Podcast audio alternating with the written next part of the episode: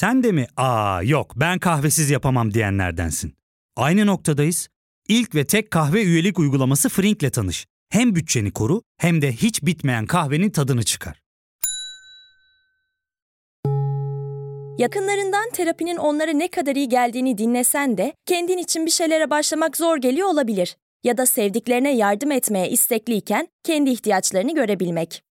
Hayvel, uzman psikologlarıyla kendi ihtiyaçlarını bulmanda sana destek olacak. Terapi yolculuğuna başlamak için detaylı bilgi bölümün açıklamalarında.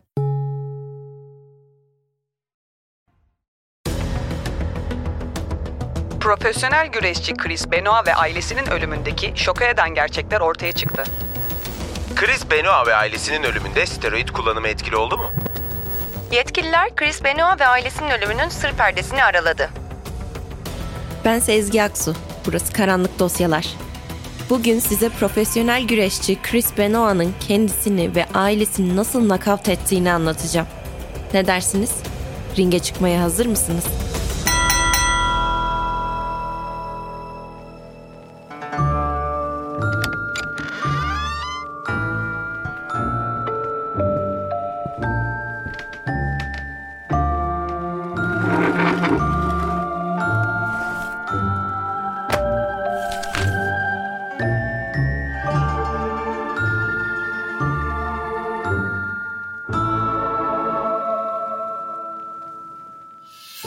Benoit, Kanada'nın Montreal şehrinde 21 Mayıs 1967 tarihinde dünyaya geldi.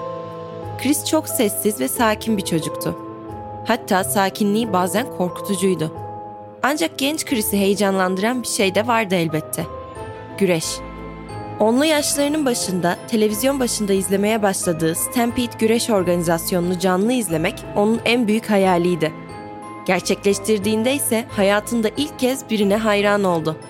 Dynamite Kid olarak tanınan Tom Billington'ın hareketlerini kendine ders olarak seçiyor, bunlar üzerinde çalışıyordu. Kafa travması riski çok yüksek bir hareket olan ringin köşesinden kafa atarak zıplama hareketini de ondan öğrenmişti. Ancak bu hareketin hayatının ilerleyen yıllarında çok ağır bedeller ödeteceğinden habersizdi.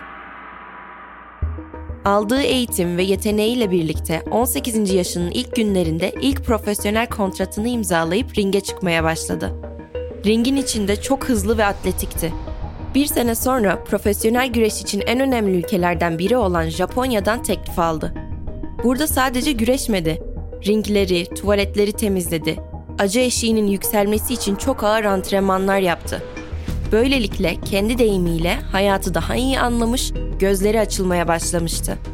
Ancak sessiz kişiliği sebebiyle çok fazla arkadaş edinebildiği söylenemezdi. Bu yüzden Japonya'dan ayrılıp Amerika'ya dönmeyi istiyordu.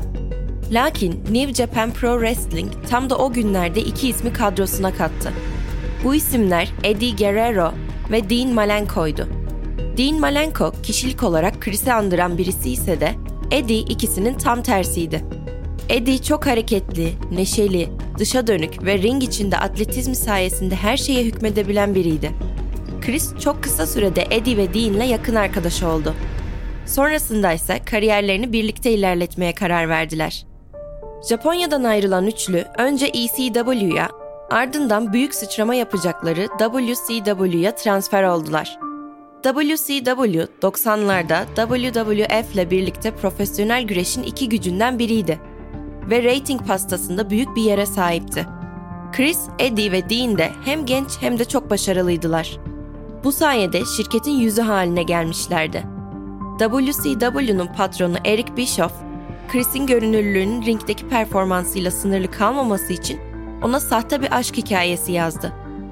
Bu hikayeye göre Chris, bir başka güreşçi olan Kevin Sullivan'ın karısı Nancy Sullivan'la ilişki yaşayacak, yarattığı sansasyonla daha da popüler hale gelecekti. Ancak Chris ve Nancy senaryonun dışına taşıp gerçekten birbirlerine aşık olmuşlardı. Kameraların çekmediği zamanlarda da birlikte vakit geçirdikleri için Nancy'nin eşi Kevin bu durumdan rahatsız oldu ve Chris'le ciddi tartışmalar yaşadılar. Bunun üzerine şirketin sahibi Bischoff kavgayı televizyona taşımak için 1997 yılında bu ikilinin karşı karşıya gelebileceği bir maç organize etti. Kevin kaybederse emekli olacaktı, Chris kaybederse kovulacaktı. Ancak ne Kevin ne de Chris için durum televizyonda gösterilecek bir maç değildi. İkisi de birbirini öldürmek istiyordu. İkili ringe çıktıklarında hakem zili çalamadan birbirlerine girmişlerdi. Bir güreş maçı değildi de bir hesaplaşmaydı sanki. Maçın ortalarında Kevin, Chris'i yorduktan sonra eline çelik bir sandalye alıp ringe girdi. Chris'in ayağa kalkmasını beklerken çelik sandalyeyi ringe vuruyor ve ayağa kalk adi herif beynini dağıtacağım senin diyordu. Chris ayağa kalktığı gibi suratının ortasına çelik sandalyeyi yedi. Buna rağmen pes etmeyen Chris, Kevin'i perişan etti. Aynı çelik sandalye Kevin'in de kafasına indi. Bununla da yetinmeyen Chris, meşhur hareketi olan ringin kenarından zıplayarak attığı kafayla maçı kazandı. Ancak hem bu maçta hem de kariyeri boyunca yaşadığı kafa travmaları Chris'i gözle görülür bir şekilde olumsuz etkilemeye başladı. Konuşurken lafını unutmaktan öfke patlamalarına, dengesiz bir karaktere büründü. Ancak Chris'in beynindeki hasarı kimse saptayamamıştı. Gel gelelim maçtan kısa bir süre sonra Kevin ve Nancy boşanmış, Nancy ve Chris ilişkilerini rahatça yaşar hale gelmişlerdi. Ancak Chris için WCW'da çalışmak gün geçtikçe zorlaştı. Hem kariyerini hem de eski eşini elinden aldığı Kevin Sullivan, şirketin yönetimine geçmiş, ikisine birden dünyayı dar edeceğine yemin etmişti. Kevin onu maçlara çıkmaktan men etti, maaşını kesti. Şirkette onun hakkında dedikodular bile çıkarmıştı. Ama Chris'in bir gün odasını basıp kapıyı kilitlemesinden sonra işler değişti. Chris odadan çıktığında Kevin'in yüzü kanlar içindeydi. Bu olaydan sonra saygınlığını kaybeden Kevin'in Chris için verdiği kararları kimse önemsemedi. Ve böylece Chris şampiyonluk maçına çıkmaya hak kazandı. Çıktığı maçı da kazandıktan sonra WCW'ye şampiyon olarak veda etmiş, Eddie ve Dean de onunla birlikte yeni bir yolculuğa çıkmak için WWF'e geçmişti. Aynı zamanda Nancy ile olan ilişkisi çok iyi gidiyor, çift ilk çocuklarının aileye katılmasını bekliyordu. 2000 yılı Chris için birçok kritik gelişmenin yaşandığı seneydi. Önce Şubat ayında baba oldu. Birkaç ay sonra resmi olarak WWF'e geçti ve geçer geçmez önemli maçlarda yer aldı. Kasım ayındaysa Nancy ile evlendi. Chris için her şey yolundaydı. Ancak 2001 yılında boynunu kırmasıyla tüm seneyi rehabilitasyonda geçirmek zorunda kaldı. Bu dönemde yeni katıldığı şirketin kendisini öne çıkarma çabasının sakatlık nedeniyle boşa gitmesi onu iyiden iyiye içine kapanık biri haline getirdi. Yine aynı günlerde eşi Nancy ile yaşadıkları kavgalar çok hararetlendi. Hatta bir noktadan sonra karısına fiziksel şiddet uygulamaya başladı. Şiddet olaylarının ardından Nancy, Chris'ten boşanmak istediğini söyledi. Bu ikili arasındaki ilişkiyi iyice çıkmaza soktu. Ancak aile hayatında Chris için işler ne kadar kötü gidiyorsa, kariyeri de bir o kadar ivmelenmişti. Dünya ağır sıklet şampiyonluğu kazanmış, yıllık 1 milyon dolarlık bir kontrata imza atmıştı. Ama 2005 yılının sonunda Chris, en yakın dostu, yoldaşı Eddie Guerrero'yu kaybetti. Eddie'nin kalp krizi geçirerek hayatını kaybetmesinin ardından Chris kendini toparlayamadı. Artık Chris'in hayatında alkol almadığı tek an ringde olduğu anlardı. Aynı zamanda kariyerinin ilk günlerinden beri aldığı steroidleri kullanmayı da artırdı. Aşırı steroid ve alkol kullanımı Chris'in hormon dengesini bozdukça Chris'te gözle görülür bir paranoyaklaşma başladı. Havalimanlarına giderken takip edildiğini düşünüp her 5-10 kilometrede bir araba değiştiriyor, oğlu Daniel'ın öğretmenini günde 10 defa arayıp oğlunun iyi olup olmadığını soruyordu. Hatta eşi Nancy ile arası her ne kadar kötü olsa da onu da arayıp nasıl olduğunu her gün defalarca kez soruyordu. Chris kendisindeki bu değişiklikleri fark etmemiş olsa da alkole ve steroidlere hepten bağımlı hale gelmişti. Bu bağımlılık onun sonunu getirecekti. Şimdi ufak bir aramız olacak. Ardından tekrar birlikteyiz. Ya fark ettin mi? Biz en çok kahveye para harcıyoruz. Yok abi, bundan sonra günde bir. Sen Frink kullanmıyor musun? Nasıl yani? Yani kahvenden kısmına gerek yok.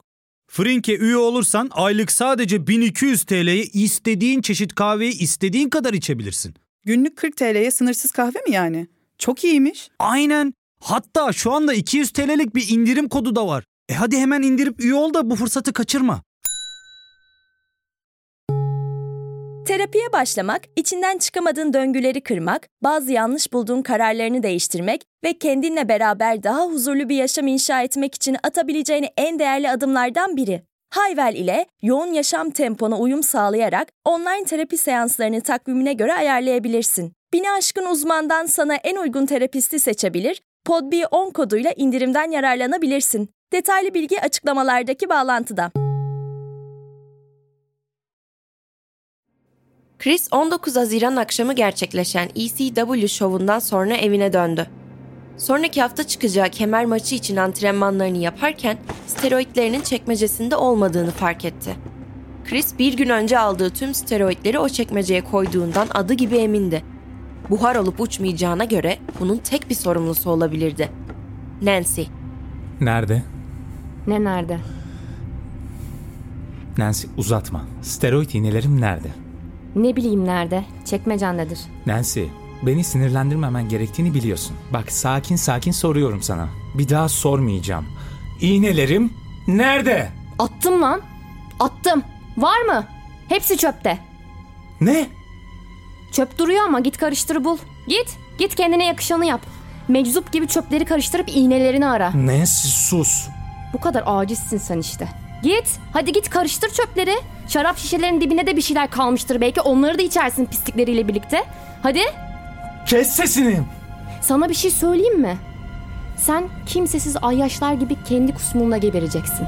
Ne ben ne oğlumuz kimse olmayacak yanında. Sus dedim sana sus. Bırak. Bırak beni. Pislik. Pis bir zavallısın. Ah, Bir zavallısın.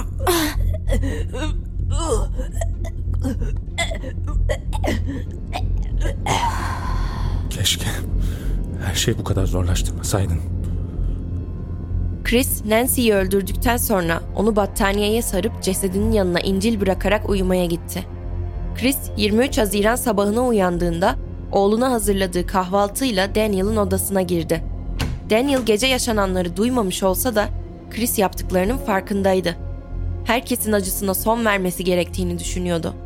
Bunun için oğlunun kahvaltısının içine Xanax kattı. Daniel Xanax'ın etkisiyle bilinçsiz bir şekilde uyurken Chris onu elleriyle boğmaya başladı. Daniel olayın şokuyla uyandı. 7 yaşındaki Daniel bağırmaya, babasına vurmaya çalıştı. Ama nafileydi. Hem güçsüzdü hem de Xanax'ın etkisiyle tam olarak ayılamamıştı. Chris uyguladığı kuvveti daha da artırdı ve oğlunu 23 Haziran 2007 tarihinde boğarak öldürdü. Oğlunu da tıpkı karısı gibi battaniyeye sarıp yanına İncil bıraktı. Ancak yapacakları bitmemişti. 24 Haziran'da WWE şovu olan Vengeance'da ringe çıkması gerekiyordu. Ama karısını ve çocuğunu öldürdükten 24 saat sonra bütün Amerika'da gösterilecek bir televizyon şovunda güreşemezdi. O yüzden en yakın arkadaşı Eddie Guerrero'nun yeğeni olan meslektaşı Chavo Guerrero'yu gece yarısı aradı. Çavo, ne haber dostum? Bir ufak sorun var. Akşam maça çıkamayacağım. Daniel hastanede ve durumu çok kötü. Başından ayrılamam. Şirkettekilere söylersin. Olur söylerim de ne oldu Daniel'a? Senin de sesin kötü geliyor ağlıyor musun? Çavo, seni çok seviyorum dostum. Her zaman da çok seveceğim. Eddie'yi çok özledim. Biliyor musun yakında buluşacağız onunla. Ben çok iyiyim Çavo. Ve sonsuza kadar da çok iyi olacağım. Neyse bunu paylaşmak istedim seninle. Hoşça kal. Chris Chavo telefonu kapattığında neye uğradığını şaşırdı. Chris ne anlatmıştı ona? Yine çok mu içmişti? Bunu kime nasıl söylemeliydi? Bilmiyordu. O da arkadaşının ondan istediği gibi akşam güreşemeyeceğini şirketin sahibi Vince McMahon'a haber verip kendi maçı için yapması gereken hazırlıklara devam etti. Chris ise tüm bunlar olurken 24 Haziran gününü bilgisayar başında geçirdi. Aradığı şey netti. Bir insanın boynunu kırmanın en acısız ve hızlı yolu nedir? Chris bu sorunun cevabını arıyordu. Çünkü karısıyla oğlunu öldürdükten sonra hiçbir şey olmamış gibi hayatına devam edemezdi. Ayrıca tanınan bir figürdü. O yüzden kendi canını da alacaktı. 24 Haziran gecesi son uykusunu çekip 25 Haziran sabahına uyandı. Uyandıktan sonra mutfağa indi. Masada duran şarap şişesine yönelip içmeye başladı. Şişeyi yarıladıktan sonra eline telefonunu alıp iki kişiye mesaj attı. Bu kişiler Chavo Guerrero ve hakem Scott Armstrong'du. Mesajda şu yazıyordu. Ev adresim Green Meadow Lane Caddesi 130 numara Fayetteville, Georgia. Bu mesajdan 5 dakika sonra Chris son mesajını atıp telefonu salona bırakarak evindeki spor salonuna gitti. Köpeklerimiz havuzun olduğu yerde kulübede bağlılar. Ev kapımız kilitli ama garaj kapısını açık bıraktım. Oradan girebilirsiniz. Chris'in elinde şarap şişesi vardı. Son bir yudum aldı ve şişeyi kapının yanına bıraktı. Yıllarca hayatını kazanmasını sağlayan evindeki spor salonunda hayatını bitirecekti. Barfix çekme aletinin tepesine bir ip bağladı ve o ipi kafasına geçirdi. Ancak acı çekmek istemiyordu. Bu yüzden yaklaşık 110 kiloluk bir ağırlığı altındaki sandalyeyi tekmeleyerek serbest bıraktı. Evet, boynu kırılmıştı. Önceki günün tamamını bilgisayar başında bu ölümü tasarlamak için geçirmiş ve acı çekmeden hemen oracıkta ölmüştü. Chris'in attığı mesaj cesetlerin bulunmasını sağlayacaktı. Polisler olay yerine vardığında önce cesetleri morga göndermiş, ardından evi kontrol etmeye başlamıştı. Sonuçta Chris tanınan ve zengin biriydi. Chris ve ailesi ekonomik sebeplerden öldürülmüş olabilirdi. Soruşturma devam ederken Chris'in çalıştığı WWE şirketi onun anısına bir gece düzenledi. Ancak bu anma şovunun üstünden 24 saat geçmemişti ki polisler Chris'in değil cinayete kurban gitmek, cinayeti işleyenin ta kendisi olduğunu fark etti. Kapılarda hiçbir zorlama yoktu.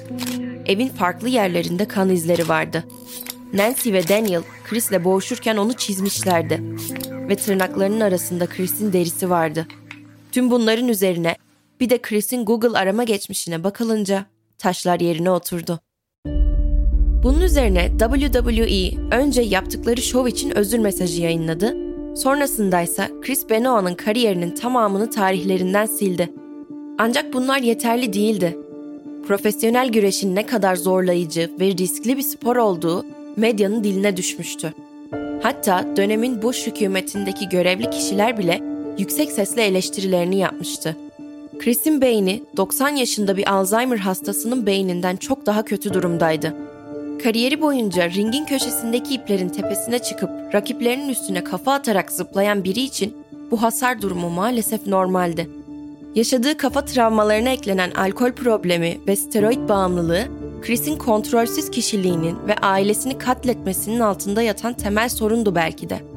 Yaşananlardan sonra profesyonel güreş sektöründe sporcuların alkol ve steroid kullanımı yasaklanırken düzenli olarak kapsamlı sağlık kontrolünden geçmesi zorunluluğu getirildi. Chris'in döneminde bu önlemler alınsa şu an ailesi hayatta olabilirdi. Chris'in hayatta olması ise pek olası değildi. Çünkü Chris'in kalbi kullandığı ilaçlar ve steroid iğneleri sebebiyle öylesine büyümüştü ki en yakın dostu Eddie Guerrero gibi kalp kriziyle aniden ölmesi an meselesiydi. Hatta Chris'in otopsisini yapan doktorlardan biri Chris ailesini katledip intihar etmeseydi bile kalbinin durumuna bakacak olursak yaşayacağı süre en fazla bir seneydi demişti. Ancak ne olursa olsun Nancy ve Daniel için üzülmemek elde değil. Bir eş, bir baba olmaktansa bir katil olan Chris ise intihar etmek yerine keşke cezasını çekseydi.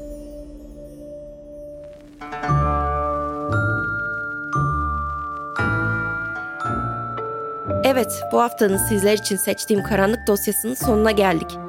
Bir sonraki karanlık dosyada görüşmek üzere. Kendinize iyi bakın.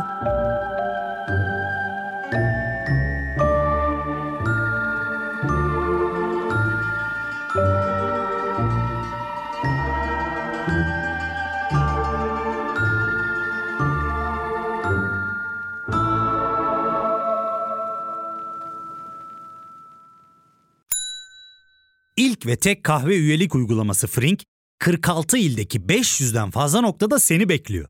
Açıklamadaki kodu girerek sana özel 200 TL'lik indirimden faydalanmayı unutma. Hadi sen de Frink üyeliğini başlat, kahven hiç bitmesin. Hem bugününe hem yarınına katacaklarıyla terapi yolculuğuna ve daha iyi hissetmeye bugün Hayvel ile başla. Açıklamadaki linkten Hayvel'i indir, ücretsiz tanışma görüşmelerinin ardından bütçene uygun seans paketini seç ve terapi yolculuğuna başla.